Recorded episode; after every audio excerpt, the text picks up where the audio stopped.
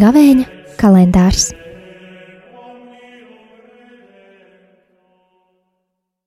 Ceturtais marts, ceturtdiena. Lasījums no Jēzus Kristus evanģēlīja, ko uzrakstījis Svētais Lūkas. Tajā laikā Jēzus sacīja farizējiem: Bija kāds pagāts cilvēks, kas ģērbās purpurā un smalkos audumos, un ikdienas lepni dzīvoja, bet pie viņa durvīm gulēja kāds nabaks vārdā Lāzars. Viņš bija pārklāts vātīm un ilgojās remdēt izsalkumu ar to, kas nokrita no bagātnieka galda, bet suņi nāca un laizīja viņa augoņus.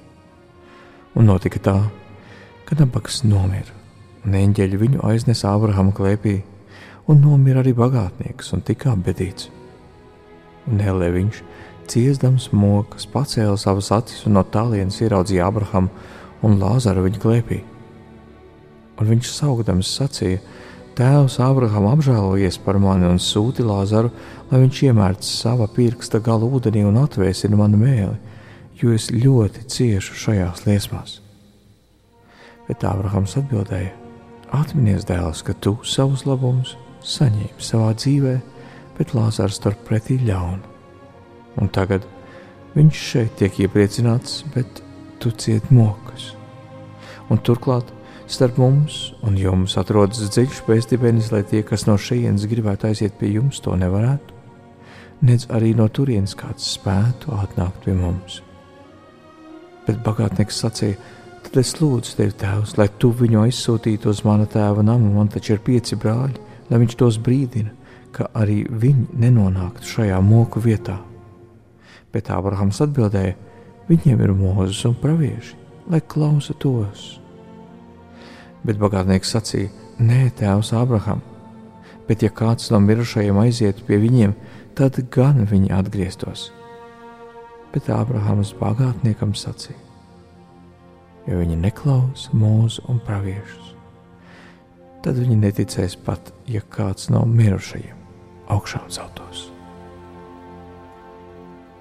Tie ir svētā evaņģēlīja vārdi.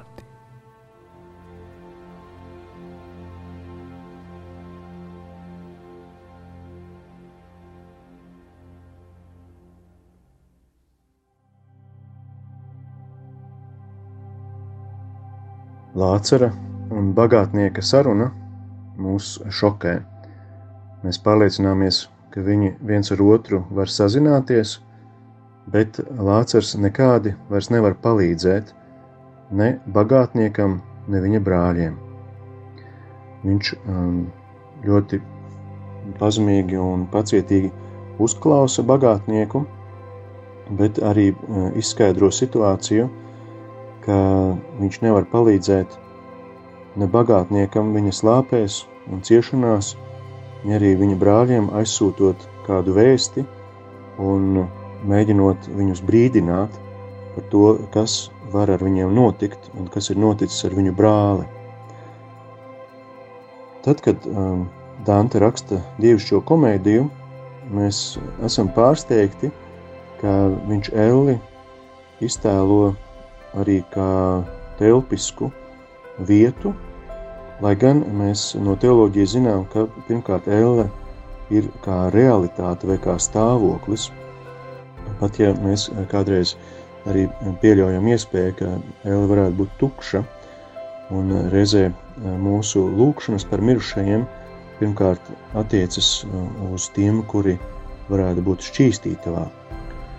Galileo Galilejs eh, ir mēģinājis aprēķināt, kāda tad varētu būt Dantes attēlotā elle, un pēc viņa aprēķiniem tā izri, iziet ārā otrā pusē zemeslodē, it kā paceļas pāri okeānam, un redzam tādu kā dekonstrukciju, ka viņa izjauc telpu, un ja to salīdzina ar laika dekonstrukciju, kad mēs atgriežamies kvalitatīvi jaunā pagātnes laimes versijā, kas nu jau ir svētlaime, uz kuru esam aicināti, tāpat mēs varam to attiecināt uz šo telpas dekonstrukciju, kas liek apzināties to nesamērību, disproporciju, kas mūs izmet ārā no ierastās domāšanas schēmām un arī iemet iekšā tādā realitātē, kur mēs esam augšām cēlušies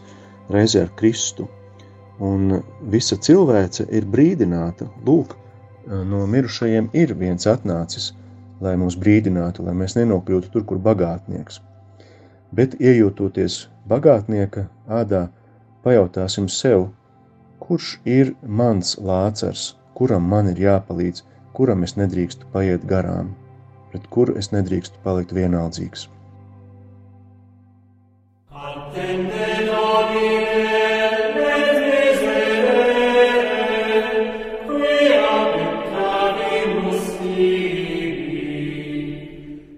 Gavēņa kalendārs